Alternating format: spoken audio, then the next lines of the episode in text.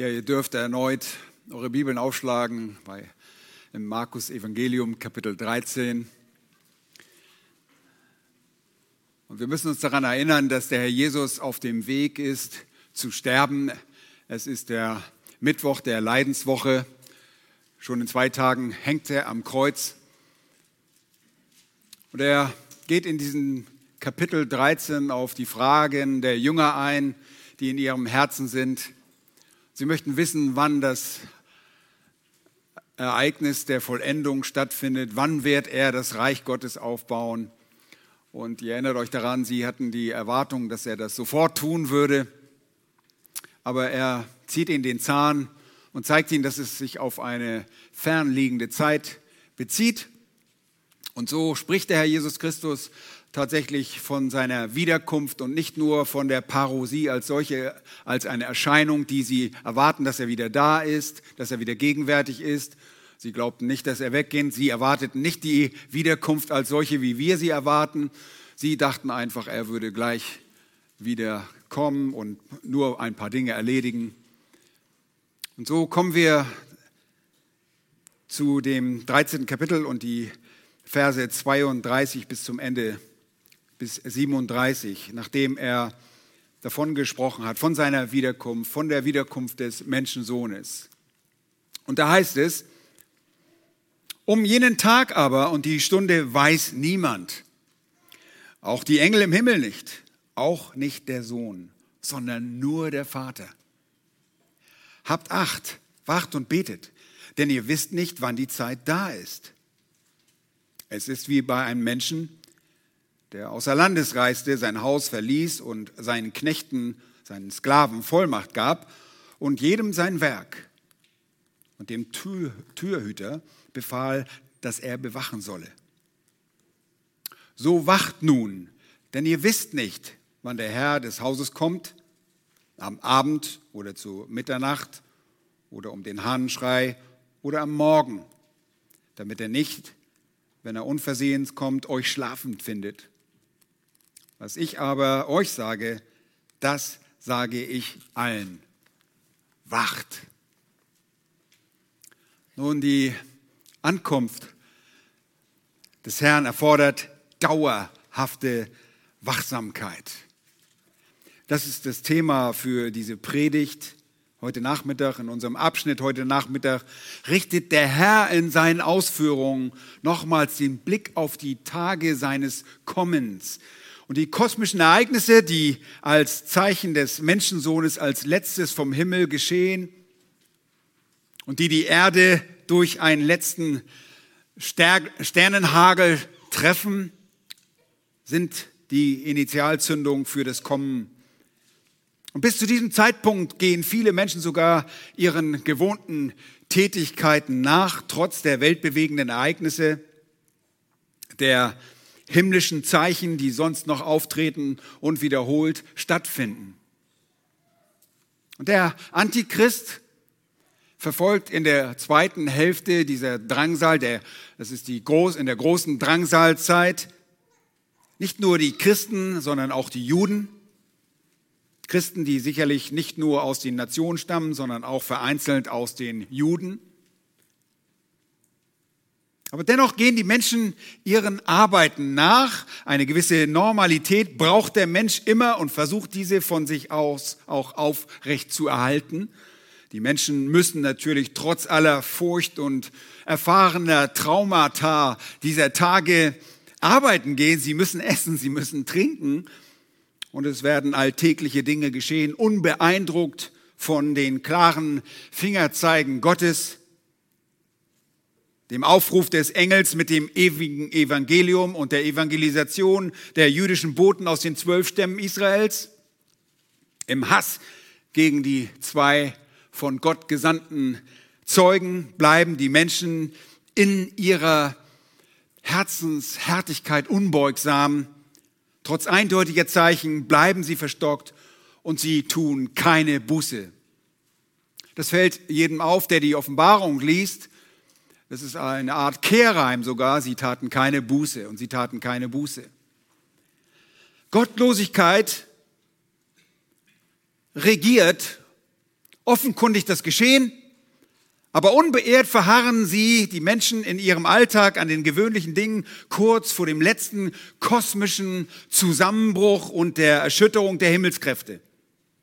Keine dieser Zeichen, die übrigens auch wiederholt aufgetreten sind, keines der letzten Zeichen und Dinge vermögen, das menschliche Herz zu erweichen. Ganz im Gegenteil. In einer Art Routine stehen sogar die Gläubigen jener Zeit in der Gefahr, sich von der grassierenden Gottlosigkeit zu einer geistlichen Schläfrigkeit anstecken zu lassen.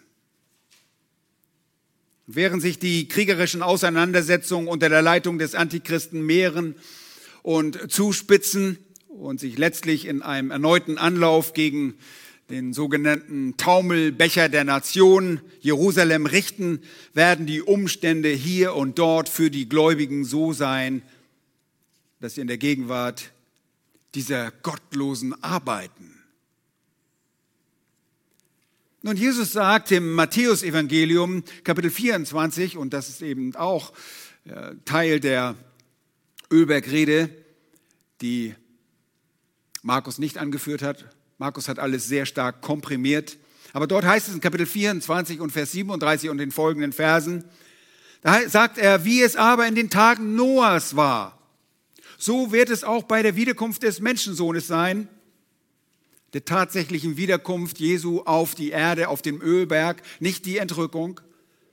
Denn wie sie in den Tagen vor den Sintflut aßen und tranken, wie sie aßen und tranken, heirateten und verheirateten, bis zu dem Tag, als Noah in die Arche ging und nichts merkten, bis die Sintflut kam und sie alle dahin raffte, so wird auch die Wiederkunft des Menschensohnes sein. Dann werden zwei auf dem Feld sein. Der eine wird genommen, der andere wird zurückgelassen. Zwei werden auf der Mühle mahlen und die eine wird genommen, die andere wird zurückgelassen. Mit diesen Sätzen aus dem Matthäusevangelium, die Jesus, wie gesagt, auch sagte, weist Jesus nicht auf eine abhanden gekommene Moral hin, auch wenn der Verlust derselben in jener Zeit präsent sein wird, diese Unmoral wird präsent sein, aber er spricht das nicht an. Er sagt hier nicht, wie unmoralisch es zugeht, so dass die Menschen Völlereien und Saufgelagen und Orgien ergehen, er, ergeben sind. Nein, das drückt er mit seinen Worten nicht aus. Er weist vielmehr darauf hin, dass es auch eine gewisse Normalität geben wird.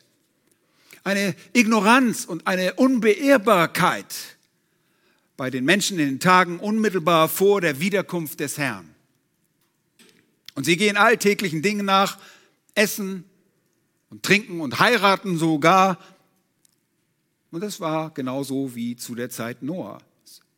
Keiner war beunruhigt darüber, dass das, was Noah predigte, der Realität entsprechen würde. Es hielt niemanden davon ab, sich den normalen Aktivitäten des Lebens hinzugeben. Und so wird es kurz vor den umwälzenden Ereignissen, den letzten kosmischen Veränderungen und Erschütterungen der Himmelskräfte gehen, die dann die Wiederkunft einleiten. Da heißt es dann in diesem Kapitel Vers 40 weiter, werden zwei auf dem Feld sein, der eine wird genommen, wird wahrscheinlich ins Gericht genommen und der andere wird gelassen, damit er ins Reich Gottes eingehen kann. Zwei werden auf der Mühle malen, die eine wird genommen, ins Gericht und verurteilt werden und der andere wird zurückgelassen. Nun, die zuvor beschriebenen Ereignisse müssen schnell geschehen. Sie sind schnell hintereinander ablaufende Ereignisse, fast staccatoartig. Bum, bum, bum, bum, also ruckzuck hintereinander laufen sie ab. Und es wird einen finalen Tag geben, an dem es keine Helligkeit geben wird, nachdem es bereits zuvor Verdunklung gegeben hat wie wir uns das angesehen haben in der Offenbarung dort in Kapitel 6 und Vers 12, in den äh, Siegelgerichten und auch in Kapitel 8, Vers 12 in der Offenbarung, den Posaunengerichten als Teil der ein Drittel Verfinsterung. Aber an einem besonders dunklen Tag, an einem finsteren Tag wird der Herr kommen Und an, an eben jenen Tag wird es am Abend Licht werden. So sagt es uns der Prophet Zachariah in Kapitel 14 und Vers 7. Alles wird sich blitzschnell vollziehen. Eine blitzschnelle Umsetzung dieser gesamten Ereignisse vor der Wiederkunft des Herrn. Nun, weil es aber eine Routine man soll es kaum für möglich halten, eine Art Routine geben wird, steht sogar der Gläubige jener Zeit in der Gefahr, nachlässig zu werden. Der Gläubige steht in der Gefahr, geistlich schläfrig zu werden, so wie es heute auch unter uns Christen der Fall ist und sein kann. Die Routine, gleich ablaufende Prozesse, die unser Herz nicht so gut verträgt, offenbar, weil wir ausgesprochen und gewohnheitsliebend sind, besonders wenn wir sündige Gewohnheiten pflegen, tragen sie zu einer sehr gefährlichen Trägheit bei, zu einer geistlichen und sündhaften Schläfrigkeit. Diese Schläfrigkeit führt wiederum zu anderen Sünden und der Herr sagt deshalb in diesem Zusammenhang in seiner Ölbergrede auch in Lukas 21 und Vers 34 Folgendes. Habt aber Acht auf euch selbst, dass eure Herzen nicht beschwert werden durch Rausch und Trunkenheit und Sorgen des Lebens und jener Tag unversehens über euch kommt, der Tag seiner Wiederkunft.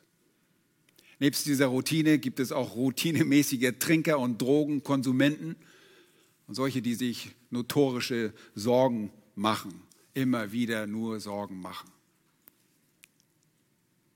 Nun, diese gefährliche geistliche Trägheit wird die Gläubigen jener Zeit und uns heute ebenso, wenn wir uns darin gefangen lassen, unvorbereitet sein lassen, wenn wir uns in einem solchen Fall nicht wecken lassen.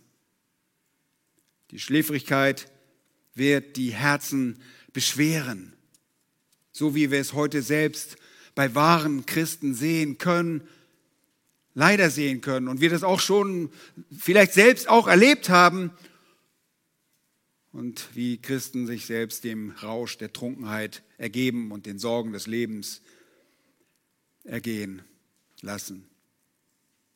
Und genau diese potenziellen Umstände in jener letzten Phase vor dem Kommen des Herrn spricht Jesus an in diesem unserem Predigtext heute Nachmittag. Ich habe den Text nochmals überschrieben mit, die Ankunft des Herrn erfordert dauerhafte Wachsamkeit. Und vielleicht ist es euch aufgefallen, wie die Warnungen in der Ölbergpredigt ganz durch, sich ganz durch den Text ziehen. Und er beginnt eigentlich schon in Vers 5 von Kapitel 13 damit. Er öffnet seine Rede, wo er den Jüngern sagt und antwortete, zu reden begann und sagt, habt Acht, dass euch niemand verführt. Das ist eine reale Warnung sich verführen zu lassen. Und hier in dem heutigen Predigtext zeigt uns nun Jesus, warum auch in dieser Endphase jener Zeit Wachsamkeit vonnöten sein wird. Und er warnt zunächst mit einem eingehenden Befehl. Erstens, wacht, denn die genaue Zeit seiner Ankunft kennt allein der Vater.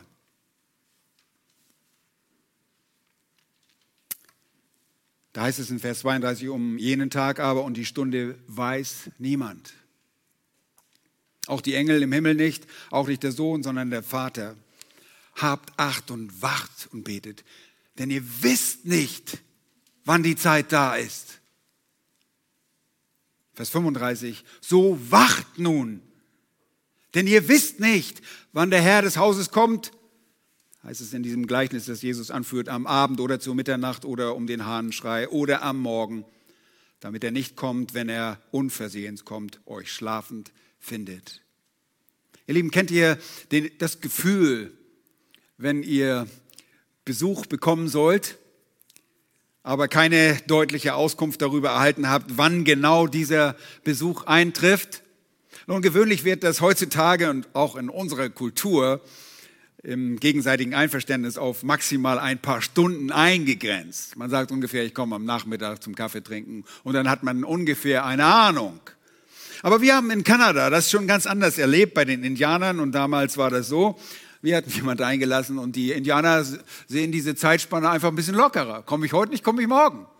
Und ich erinnere mich noch, wir warteten als gut geprägte deutsche oder isländische Bürger auf äh, diese Indianer und warteten bis 23 Uhr, denn 23 Uhr war, ist in jener Kultur ein durchaus akzeptabler Besucherzeitpunkt. Aber die Leute kamen nicht. Nun, Jesus sagt hier, dass Wachsamkeit von Nöten sein wird. Vers 33, denn ihr wisst nicht, wann die Zeit da ist. Nochmals, die Jünger als Repräsentanten der Gläubigen der kommenden Drangsal, sie würden nicht wissen, wann die Zeit, die genaue Zeit des Kommens des Menschensohns sein würde. Die Gläubigen sollen jedoch in jedem Fall für die Ankunft des Herrn vorbereitet sein. Sie sollen dem Herrn in ihrer Heiligkeit begegnen, denn zu einem Leben in Heiligkeit sind wir als Kinder Gottes berufen. Und so sollen wir ihm auch begegnen. Wir haben von Heiligkeit gesungen, dass Gott heilig ist, so sollen auch wir sein. Die Menschen jener Zeit sollen nicht aufgrund von geistlicher Schläfrigkeit Beschämung erfahren, sondern geistlich gerüstet, innerlich gewappnet, vorbereitet, ihrem König entgegenfiebern in geistlicher Bereitschaft. Und vielleicht denkt ihr, redet das vielleicht einfach nur von Ungläubigen. Nein, Ungläubige, die, sind, die schlafen nicht mal, die sind tot. Die sind tot. Christen können schlafen, aber wir sollen aufstehen von diesem Schlaf wenn wir nicht bereit sind. Und deshalb werden die Gläubigen jener Zeit in Vers 33 mit zwei Worten aufgerufen, geistlich auf der Hut zu sein. Und schaut mal als erstes Vers 33, habt Acht. Und zum einen ist das die Befehlsform von Bleppo wörtlich sehen, mit den Augen wahrnehmen. Schaut mit euren Augen, achtet darauf, was passiert. Und zum anderen heißt es dort wacht und das ist die Befehlsform von agropneo, pneo, nicht pneo, pneo, was so viel bedeutet wie wachsam sein im Bewusstsein einer drohenden Gefahr. Müssen Christen mit einer Gefahr rechnen? Nun, in den dann folgenden Aufrufen zur Wachsamkeit benutzt Jesus dann ein anderes Wort, das aber dreimal auch mit wach Herrn übersetzt wird bei uns in unseren Texten, Vers 34, 35 und 37. Aber hier nun zunächst die Erwähnung eines Wortes mit dem Hinweis einer lauernden Gefahr. Und die Ankunft Jesu an sich ist für die Gläubigen keine Gefahr, wenn sie adäquat, wenn sie ausreichend vorbereitet sind. Es ist keine Gefahr, denn der Herr wird die Sein um sich sammeln, das haben wir gelernt um mit ihnen vereint zu sein, in der Erwartung, sein Volk entgegenzunehmen. Die Gefahr besteht lediglich darin, nicht in einer angemessenen Art und Weise für den Herrn vorbereitet zu sein und in einer schläfrigen Sündhaftigkeit zu leben und so in großer Scham einen einzigen, einen einzigartigen Moment zu verpassen und zu vergeuden. Alle, die nicht glauben, werden sowieso nicht vorbereitet sein und werden nur das Gericht fürchten müssen, aber nicht so die Auserwählten. Und deshalb ist Wachsamkeit, geistliches auf der Hut sein vonnöten. Übrigens ist das und betet in Vers 33 in der Schlachter 2000 nicht in den besseren Handschriften vorhanden. Es ist eine etwas spätere Hinzufügung wenn auch keine schlechte, aber sie gehört wahrscheinlich nicht dorthin. Aber keine Angst, die legitime Nichterwähnung des Gebetsimperativs an dieser Stelle verändert nicht das Wort Gottes und auch nicht unser Verhalten als Auserwählte. Da Gläubige ohnehin dazu angehalten werden, zu jener Zeit im Gebet zu verharren, zu jeder Zeit, nicht zu jener Zeit, zu jeder Zeit, betet ohne Unterlass, wann? Immer. So muss dies offenbar nicht gesondert hier angeführt werden, obwohl das spätere ja, Schreiber dachten, dass es wohl dazugehört. Es ist keine, kein großes Vergehen. Nun, das wird übrigens auch nicht an vielen anderen Stellen hinzugefügt, das Gebet. Und da sagen wir auch nicht, oh Mann, das ist ja unvollständig. Es wird einfach erwartet, dass der Christ, dass das Kind Gottes in der Abhängigkeit zum Herrn lebt und auch mit ihm redet. Denn wie oft muss man einen Befehl hören, damit man ihn erfüllt, damit er Gültigkeit besitzt? Ein einziges Mal. Stimmt, ganz genau. Und der Herr hat in seinem Wort gnädigerweise öfter gesagt, dass das Gebet eine wichtige Rolle spielt, so dass jeder Gläubige weiß, dass das anhaltende Gebet ein beständiger Begleiter sein soll und erfahrungsgemäß ein sehr großes Vorrecht ist, dass wir mit unserem Gott reden können. Aber warum dieser doppelte Aufruf zur Wachsamkeit? Punkt A. Wachsamkeit ist erforderlich, weil es eine rechnerische Unbestimmtheit oder Bestimmbarkeit des Zeitpunktes seiner Ankunft gibt. Niemand kennt den genauen Anpunkt, Zeitpunkt der Ankunft des Herrn. Und diese Wahrheit spricht Jesus gleich doppelt an, Vers 32 und so auch in den folgenden Gleichnis von diesem Hausherrn, in Vers 35, ihr wisst nicht, ihr wisst nicht. Und obwohl die deutlichen Zeichen und hinweisenden Ereignisse eine ebenso klare Sprache sprechen und das Kommen des Herrn ankündigen, so ist der genaue Zeitpunkt, der Tag und die Stunde nicht bekannt. Niemanden bekannt. Und wenn Jesus niemand sagt, dann schließt das die Engel im Himmel mit ein. Zweitens, die Engel im Himmel kennen den Zeitpunkt der Ankunft nicht. Die Engel sind sicherlich in viele Dinge eingeweiht, die äh, wir nicht verstehen und verstehen wahrscheinlich erheblich mehr von den unsichtbaren Realitäten als wir Menschen. Das haben wir schon im Markus Evangelium gesehen, dass selbst die gefallenen Engel Jesus in seinem Menschensein identifizierten. Die Dämonen erkannten ihn sofort, während die geistlichen Leiter damit haderten. Jesus sagte, er ist der Sohn Gottes. Die Dämonen sprachen sofort heraus, wer Jesus ist. Aber es gibt auch Dinge, die die Engel hineinzuschauen begehren. Und ich denke dabei immer an die Stelle in dem Petrusbrief, der von den Propheten sagt, dass ihnen geoffenbart wurde, dass sie nicht sich selbst, sondern den Gläubigen dienten mit dem, was den neutestamentlichen Gläubigen bekannt gemacht worden ist. Durch die Verkündiger des Evangeliums im Heiligen Geist der vom Himmel gesandt wurde. Und da heißt es dann, die Dinge, in welche die Engel hineinzuschauen begehren. Hier nun sagt Jesus, bleibt auch ihnen, den Engeln, den Boten Gottes, die mit vielen wichtigen Dingen beauftragt sind, der genaue Zeitpunkt der Ankunft des Menschensohnes verborgen. So wie allen anderen auch. Und was ganz besonders erstaunlich ist, selbst Jesus kannte die Zeit nicht. Der Sohn drittens kennt den Zeitpunkt seiner Ankunft nicht. Auch nicht der Sohn. Uh, das ist eine erstaunliche Aussage und hat viele Sektierer in ihrem Irrtum Futter und Nahrung gegeben, um die Gottheit Jesu zu leugnen.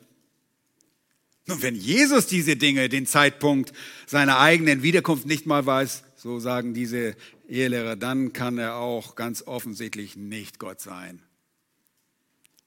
Dabei stört es sie offensichtlich gar nicht, dass Jesus als Sohn Gottes immer und immer wieder seine Gottheit bestätigt und sein göttliches Wesen immer und immer wieder durchscheint. Viel öfter, als dass äh, man ihn in irgendeiner Art und Weise in seiner Gottheit angreifen hätte können. Er wird überall in der Schrift deutlich, dass Jahwe Gott ist, dass Jesus Jahwe Gott ist. Aber als käme es ihnen gelegen, dass es eine solche Stelle gibt, dann stürzen sie sich darauf, indem sie beweisen können, dass Jesus durch seine vermeintliche Einschränkung nicht Gott sein kann. Sie stürzen sich geradezu auf diesen Text wie auch andere Texte, und das zu ihrem eigenen Verderben. Schreibt Petrus mal, sie sind unkundig, warum tun Ehrlehrer das? Und das ist eine ganz einfache Antwort, weil sie Kinder Satans sind und weil sie von Satan befeuert und eingeheizt und gelenkt werden. Sie verkündigen die Lehren von Dämonen. Das, was wir heutzutage auf vielen Kanzeln unserer Kirchen hören, sind Lehren von Dämonen, weil es nicht die Bibel ist, was sie lehren, sondern irgendein gemachtes Menschenwort. Menschliche Überzeugung. Ich predige nicht mich selbst, sondern wir predigen Christus, den Gekreuzigten und sein Wort. Im Gegensatz zu diesen irrigen Auffassungen dieser Scharlatane und dieser falschen Propheten ist dieser Umstand der zeitlichen Verborgenheit beim Herrn nicht so schwierig zu verstehen. Denn was tut Jesus, als er die Herrlichkeit seines Vaters verlässt? Er nimmt was für eine Gestalt an? Die Gestalt eines Sklaven. Er nimmt Sklavengestalt an. Er entäußert sich selbst und er verzichtet freiwillig auf bestimmte Eigenschaften seiner Gottheit. Bereitwillig. Auch in seinem Wissen schränkt er sich ein. Wir wissen, dass er wahrer Gott und wahrer Mensch ist und sich auf Erden in vielen Bereichen freiwillig einschränkte. Und ohne diese Einschränkung hätte er die Erlösung nicht bewirken können. Ohne diese Einschränkung hätte er nicht mehr auf die Erde kommen können. Denn jeder, der ihn gesehen hätte, wäre tot umgefallen. Einen herrlichen Gott auf der Erde in der Person Jesu Christi zu sehen, ohne eine Verschleierung seiner Gottheit, wäre nicht möglich gewesen. Und so tut er das um der vor ihm liegenden Freude willen, um die Menschen, die er sich ersehen hat, zu erretten. Wenn er aber wiederkommt, dann, so haben wir gelernt, dann kommt er in seiner Kraft und in Herrlichkeit.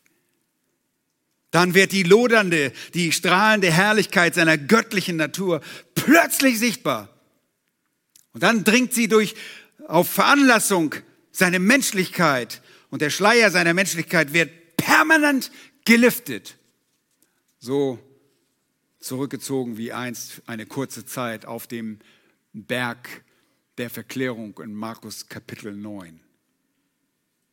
Nun ist Jesus deshalb nicht allwissend? Oh doch.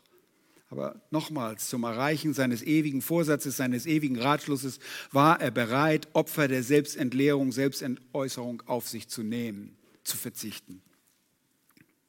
Jesus macht damit außerdem deutlich, dass er immer in absoluter Übereinstimmung mit dem Vater handelt und auch dessen Werke tut. Ist euch das mal aufgefallen? Ganz besonders das Johannesevangelium spricht davon, ich tue, ich meine, ich tue die Werke meines Vaters. Immer. In absoluter Abhängigkeit. Und erweitert ist er eins ebenso mit dem, in perfekter Weise mit dem Heiligen Geist. Die Einheit der Trinität ist unser absolutes Vorbild für Einheit. Wenn aber keiner diesen Zeitpunkt kennt, dann ist von den Menschen jener Zeit, auch von uns, dieselbe Abhängigkeit zum Vater durch besondere Wachsamkeit geboten. Deshalb muss man wachen. Und die Unbestimmbarkeit des genauen Zeitpunktes der Wiederkunft macht diese aber nicht ungewiss. Zweitens, B, Wachsamkeit ist erforderlich, denn trotz Unbestimmbarkeit der Zeit ist des Herrn Ankunft gewiss. Sie ist gewiss. Man muss nicht warnen wenn es keine Gewissheit gibt, habt Acht, wacht, denn ihr wisst nicht, wann die Zeit da ist. Vers 33 heißt nicht, habt Acht, denn ihr wisst nicht, ob oder falls die Zeit seines, seiner Wiederkunft überhaupt kommt. Das ist, das ist alles noch, das steht da nicht, nein. Die Realität, die Gewissheit seines Kommen wird an dieser Stelle und nirgends in der Schrift in Frage gestellt. Er kommt wieder. Egal, ob Menschen es haben wollen oder nicht. Die Ankunft erstens äh, des Herrn ist nicht zweifelhaft. Dass seine Wiederkunft nicht zweifelhaft ist, macht Jesus durch die Hinzuziehung eines Gleichnisses deutlich, das dort in Vers 34 beginnt. In diesem Gleichnis ist er gewissermaßen der Hausherr. Er stellt diesen Hausherrn dar. Und der Hausherr in dieser Geschichte kommt wieder nur wissen seine Sklaven nicht wann.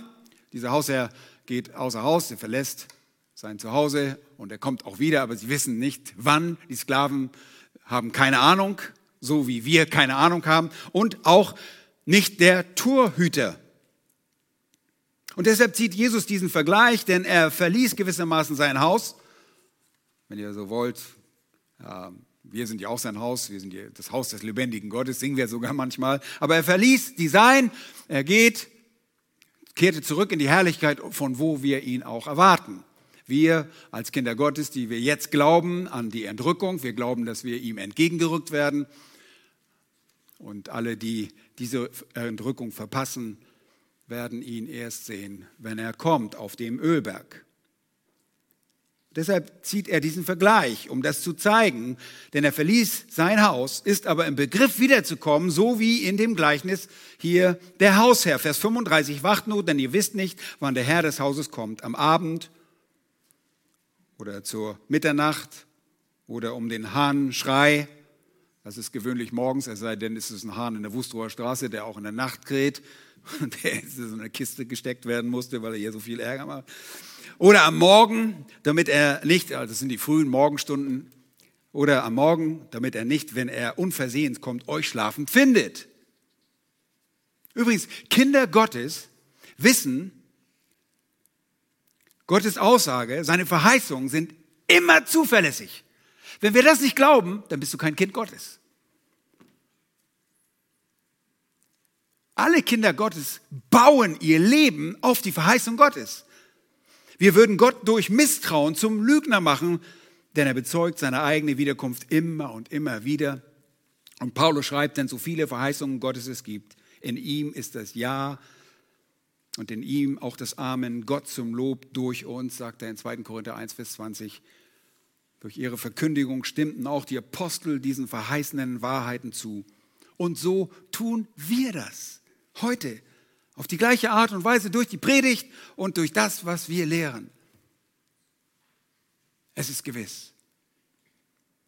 Und der Herr kommt wieder, er wird dann sein Reich aufbauen und als Richter und Herrscher auftreten. Und keine Zweifel sind für das Kind Gottes in dieser Hinsicht nötig und auch nicht zulässig, denn der Herr selbst verbirgt sich mit seinem Wort. Wir hatten schon im letzten, am letzten Sonntag gehört, seine Worte werden nicht vergehen. Sie bleiben bestehen. Himmel und Erde werden vergehen, aber seine Worte werden nicht vergehen. Und er sagt, die Ankunft des Herrn geschieht plötzlich, zweitens. Vers 36, damit er nicht, wenn er unversehens kommt, euch schlafend findet. Und wenn ihr genau hingesehen habt, dann fällt euch auf, dass die Rückkehr des Hausherrn in dem Gleichnis dem äh, des Herrn in perfekter Weise entspricht. Denn er kommt, wie heißt es hier in der Schlachter, unversehens. Und das ist plötzlich, das ist unerwartet. In einem Zeitfenster, in dem man den Herrn zum Ende der Drangsal erwarten soll. Deshalb die ganzen Zeichen. Jetzt, wo man die Zeichen sehen wird, soll man vorbereitet sein. Nicht nur dann. Diese Erwartungshaltung wird aufrechterhalten und sie bleibt bestehen, wenn man geistlich ist und nicht schläfrig wird. Die geistliche Wachsamkeit ist deshalb immer ein Ziel. Nicht nur, weil der Herr irgendwann mal wiederkommt, sondern wir müssen immer wachsam sein. In Bezug nicht nur auf die Wiederkunft, sondern in Bezug auf alle möglichen Dinge werden wir gemahnt, werden wir ermahnt in der Schrift, wachsam zu sein. Die geistliche Wachsamkeit ist immer ein Ziel. Geistlichkeit ist das, was Gott erwartet. Und ihr Lieben, das ist das, was wir sogar als Kinder Gottes begehren. Wir wollen geistlich sein. Wir wollen dem Herrn gefallen. Das entspricht unserem neuen Wesen. Das Alte ist vergangen, Neues ist geworden. Und geistliche Schläfrigkeit passt nicht zum Kind Gottes. Es ist wieder natürlich. Nur als Ergänzung, Gläubige aller Zeiten sind nie weiter von der Gegenüberstellung, dem, Entscheiden, äh, dem Erscheinen von dem Herrn entfernt, als die eigene Lebensspanne lang ist. Das durften auch die Gläubigen damals schon wissen, dass die Zeit des Wartens auf die Begegnung mit dem Herrn sich nicht über Jahrhunderte oder Jahrtausende hinziehen würde. Einige wurden sehr früh in die Herrlichkeit ihres Königs gebracht. Und Paulus beteuert, Christus ist mein Leben. Und was hatte er? Wozu hatte er Lust? Ich habe Lust abzuscheiden, denn Sterben ist mein Gewinn. Wir wollen in die Gegenwart Gottes und deshalb wollen wir bereit sein. Und du lebst nicht in der Drangsal dieser Endzeit.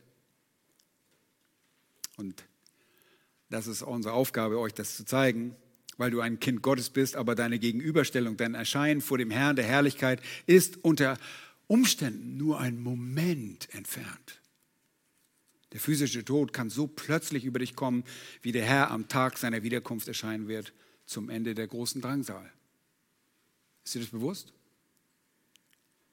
Deshalb bleibe wachsam. Das kannst du, wenn du dich seinem Wort ganz ergibst und seine entsprechend enge Beziehung zum Herrn suchst und darin auch lebst. Also erstens, wachen müssen also die Gläubigen jener Zeit, denn die genaue Zeit seiner Ankunft kennt allein der Vater im Himmel. Weiter ist hier der Grundton des Wachsen, äh, Wachens erkennbar. Und das haben wir durch das ganze Kapitel 13 beobachten können. Aber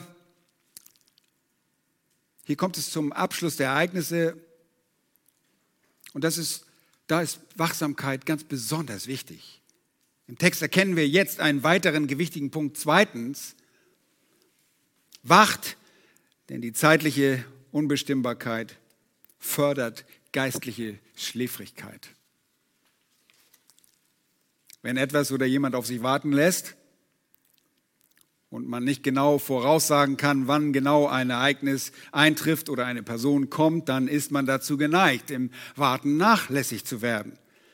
Die Aufmerksamkeit schwindigt, schwindet. Die Vorsicht ist unter Beschuss. Ein Warten ohne einen genauen zeitlichen Bezugspunkt begünstigt die Schläfrigkeit. Sie ist nicht verantwortlich dafür, aber sie begünstigt sie. Der Mensch ist leider so, unser Herz ist tatsächlich und traurigerweise so verdorben, dass es sich eher durch konkrete und zeitlich naheliegende Motivation bewegen lässt. Ist etwas in der Ferne oder denken wir es in der Ferne? Ach, dann müssen wir uns nicht darum kümmern. Aber das ist ein Fehler. Und das kennen wir alle. Zudem denken wir auch nicht immer unbedingt, dass dieser, jener Tag, an dem wir aufgestanden sind, unser letzter Tag sein könnte. Das tun wir nicht. Wir denken gewöhnlich, dass wir die normale und die durchschnittliche Lebenserwartung eines Menschen erreichen werden oder wir ernähren, uns ja schließlich gut und von Bio-Müsli und leben noch ein paar Jahre länger. Ne?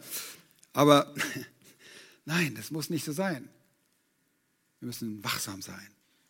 Wenn du aber genau wüsstest, dass dein Leben am 3. September 2021 zu Ende sein würde, dann würdest du nicht nur jeden Moment bewusst leben, sondern auch entsprechende Maßnahmen zur Vorbereitung deines Abscheidens treffen.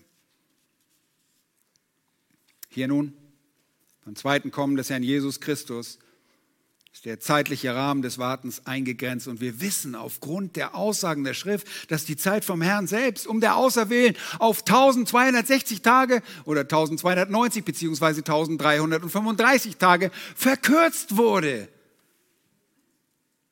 ist eine Begrenzung da.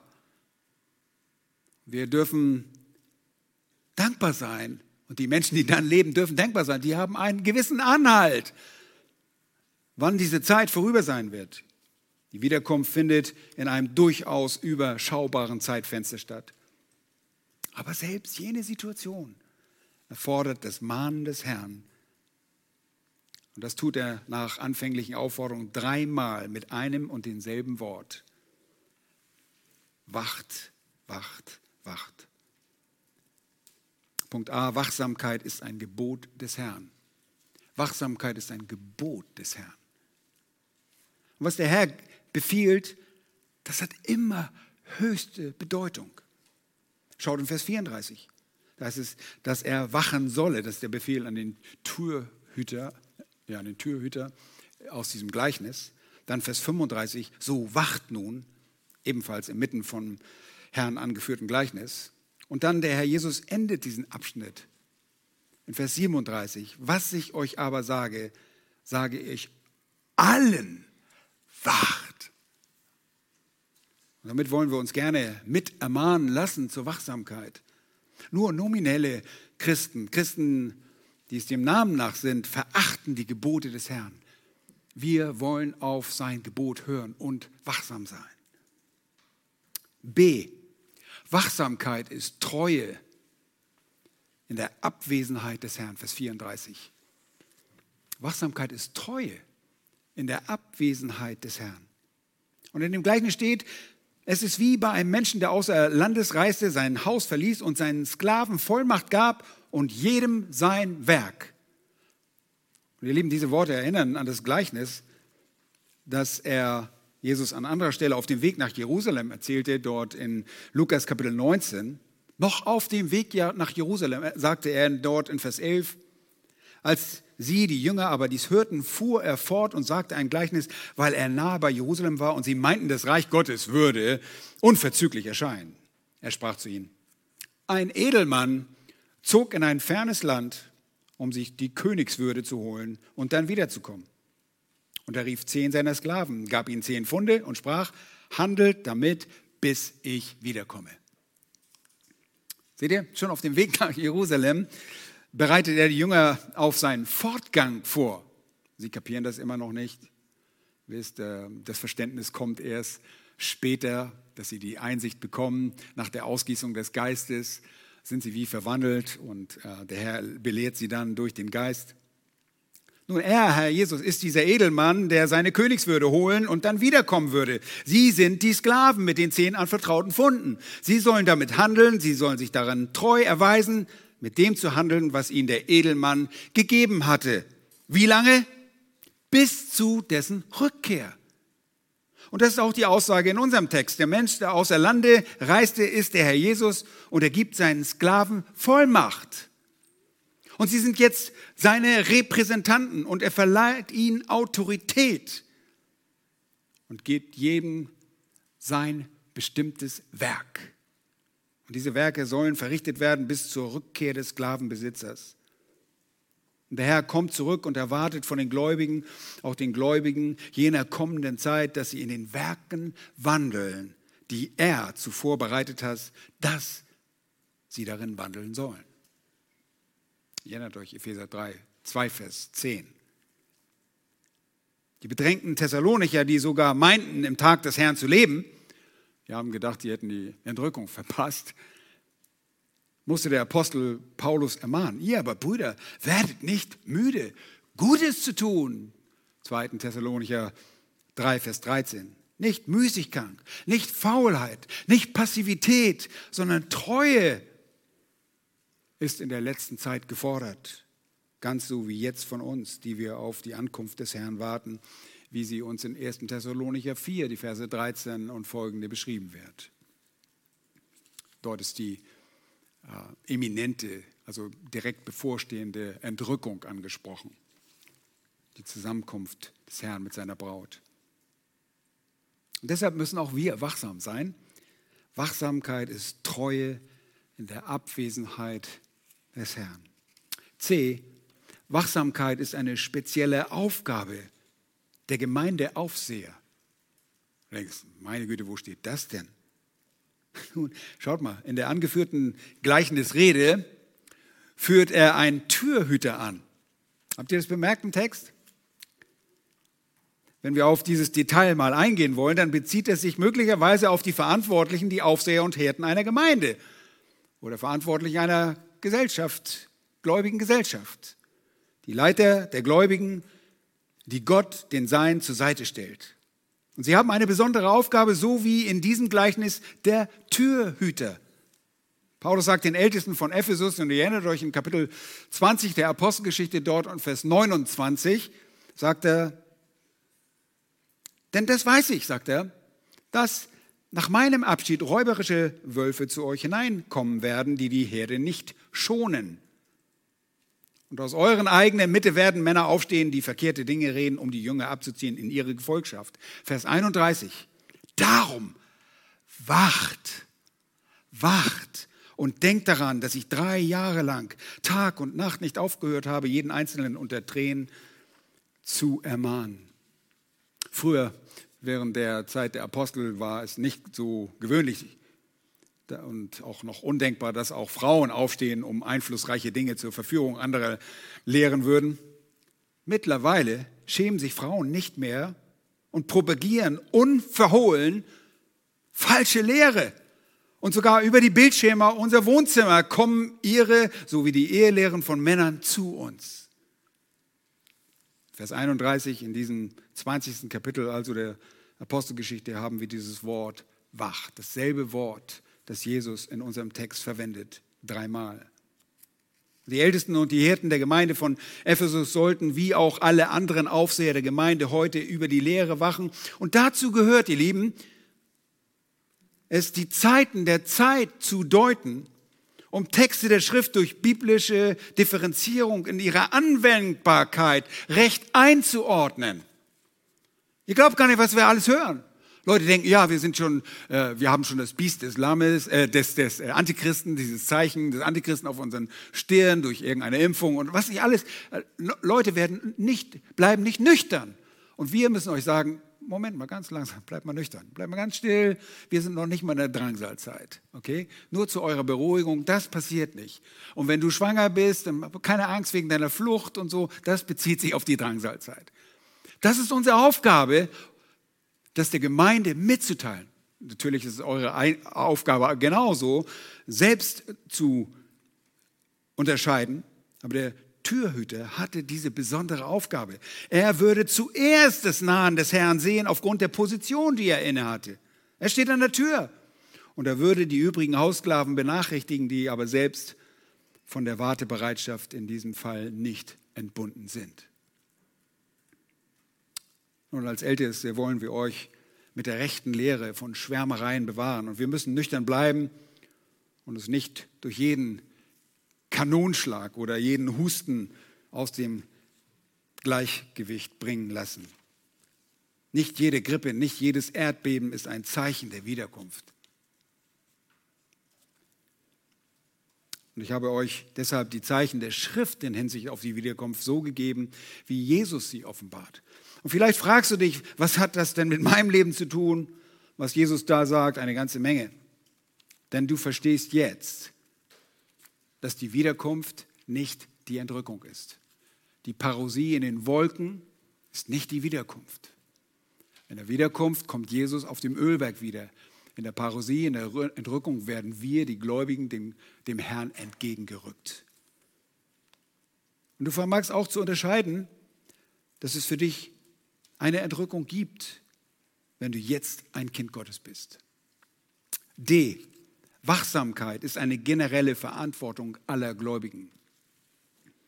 Und so steht der Befehl in unserem Text nicht nur im Plural, sondern er wird im letzten Vers bekräftigt. Was ich euch aber sage, das sage ich allen. Wacht. Auch du musst wachen. Die Menschen der Endzeit vor dem zweiten Kommen des Herrn müssen wachen, selbst wenn den Aufsehern eine besondere Aufgabe zukommt. Auch du bist von Wachsamkeit nicht freigesprochen. Du darfst nicht schläfrig sein. Und du musst es verhindern, schläfrig zu werden. Und wenn du geistlich schläfrig geworden bist, dann musst du wieder aufwachen. Und das geschieht nur über Buße und Umkehr. Das geschieht nur über Umkehr. Lass dich nicht durch einen gewissen Trott oder einen gleichbleibenden Rhythmus im Leben einlullen. Die scheinbar unaufhörliche Gleichförmigkeit der, Aufläufe, der Abläufe im Leben, der trügt. Es wird nicht immer alles so weitergehen, wie es läuft. Es kommt der Tag der Parosie, der Erscheinung des Herrn. Für uns so wie die Mensch, für die Menschen am Ende der großen Drangsal. Und meine Frage ist, bist du, bist du vorbereitet, deinem Herrn zu begegnen? Bist du bereit, ihm ins Angesicht zu sehen, ohne dich für deine Trägheit und Nachlässigkeit Gutes zu tun, schämen zu müssen? Wer nun Gutes zu tun weiß und es nicht tut, für den ist es Sünde, sagt Jakobus. Geh nicht mit anderen ins Gericht. Und sieh nicht immer wieder ihre Fehler und wie schrecklich doch alle sind. Gehe mit dir selbst ins Gericht. Prüfe dein eigenes Leben. Du musst dafür Rechenschaft abgeben, was du tust, nicht für die Sünde und Treulosigkeit anderer. Nun, ich habe ein paar Dinge und ich bin am Ende angekommen. Ähm, ein paar Dinge, die ich aber zur Anwendung euch geben möchte. Ich möchte dir zur geistlichen Wachsamkeit verhelfen. Wie kannst du es sein? Wie ist es möglich, geistlich wachsam zu sein? Das bedeutet nicht, dass wir nicht schlafen gehen können. Ich schlafe nachts gut. Ja. Ja, krieg, meine Frau kriegt fast 99 Punkte auf ihrer Uhr. Da wird sogar die, die Tiefe der, der, äh, die, der Tiefe des Schlafes wird gemessen, mit Punkten bewertet. Also wir schlafen gut. Aber das ist nicht gemeint. Geistliche Wachsamkeit hast du nur, indem du der Schrift treu folgst. Lasse das Wort Gottlich, Gottes reichlich in dir wohnen. Lege die Bibel nicht zur Seite. Verlasse dich nicht auf subjektive Eindrücke und die Träume deines Herzens.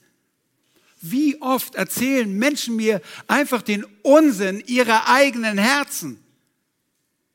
Das hat nichts mit der Schrift zu tun. Lasse dich durch das Wort Gottes belehren. Dazu musst du dich entschließen. Und ein Christ zeichnet sich dadurch aus, dem Wort Gottes zu folgen. Lasse dich durch das Wort Gottes belehren. Lasse dir nicht nach, gute Werke zu tun. Nimm sie dir vor. Schreib dir auf, was du tun wirst. Sonst tust du sie nicht. Zweitens, wache, indem du ein heiliges Leben führst. Lerne entschlossen, der Sünde den Kampf anzusagen. Und spiel nicht mit dem Feuer der Sünde. Ihr Lieben, es gibt keine kleinen Sünden. Und die Realität deiner Sünde ist nicht hypothetisch, sie ist real. Wir sind noch sündig, sogar als Christen sündigen wir noch. Deshalb nimm diese Sünde ernst. Sag der Sünde den Kampf an. Lerne dein Fleisch zu kreuzigen, den Lüsten und Begierden den Laufpass zu geben. Lerne die Sünde zu hassen, weil Gott sie hasst und sie abzulegen wie einen schweren Mantel, der dich bei einem Lauf behindern würde. Lerne in der Abhängigkeit zur Wahrheit zu leben. Und das heißt, in der Abhängigkeit zu Jesus. Jesus sagt, ich bin der Weg, die Wahrheit und das Leben. Das ist nicht nur sein Wort, aber sein Wort ist Jesus. Jesus ist das Wort. Lebe in der Abhängigkeit von Jesus Christus. Und drittens, Wache in dem vom Herrn für dich gegebenen Kontext der Gemeinschaft. Oh, das ist so wichtig. Die verbindliche Gemeinschaft der Geschwister ist die Gemeinde, die Gott vorgesehen hat. Das ist der Ort, an dem wir die, ihm die Ehre bringen können. Ihm sei Ehre in der Gemeinde, in dem wir verbindlich für unseren Herrn da sind und füreinander. Wir sind Glieder an einem Leib. Ich kann nicht auf euch verzichten. Wenn ihr nicht da seid, dann fehlt mir was. Deshalb lebe in dieser Verbindlichkeit. Schleppe dich, wenn es sein muss, in den Gottesdienst. Und lass deine Kopfschmerzen hier zu Ende kommen, statt zu Hause. Ich muss immer wieder an diesen Malaria-erkrankten Taliabu denken in dem Film, der sich mit seiner Malaria in dieses äh, Vereinshaus geschleppt hat, um das Evangelium nicht zu verpassen. Ihr Lieben, wir finden tausend Gründe, warum wir nicht in den Gottesdienst kommen können oder in die Gemeinschaft. Ja, mir zickt mein Rücken gerade. Ich, ah, das tut so weh. Das tut auch zu Hause weh. Lass es doch hier weh tun. Kommt in die Gemeinde.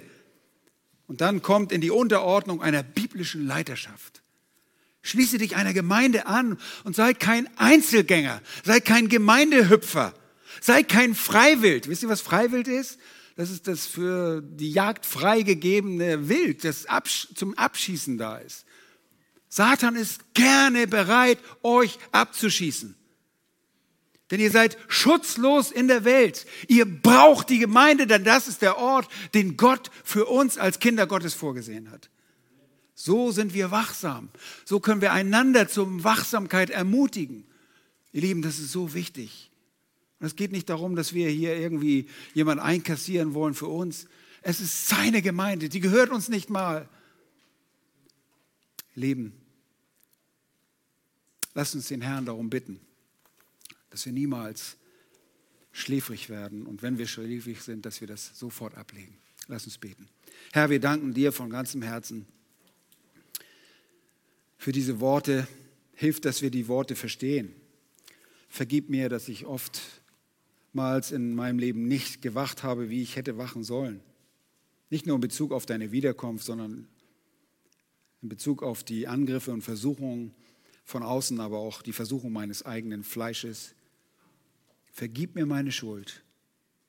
Herr, hab Dank, dass du dafür gestorben bist und dass wir uns jetzt auch daran erinnern dürfen, wenn wir das Mahl des Herrn feiern, dass wir wissen dürfen, dass du gekommen bist, der Gerechte für die Ungerechten, um den Preis zu zahlen, den du, zahl, den du fordern musst, weil du ein heiliger Gott bist. Herr, du musst Ungerechtigkeit, du musst Sünde, du musst Schläfrigkeit, die Sünde ist, strafen. Danke, dass du das auf dich genommen hast.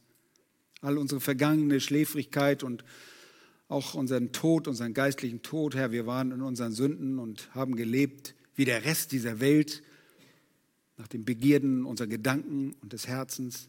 Aber du hast uns erneuert. Hilf uns, im Geist zu leben, dass wir die Werke des Fleisches nicht vollbringen. Und so bete ich für meine Geschwister, dass wir gemeinsam wachen, dass wir nicht schläfrig werden und dass wir dein kostbares Evangelium weiter sagen, so wie du es von uns möchtest. Wir geben dir die Ehre in Jesu Namen. Amen.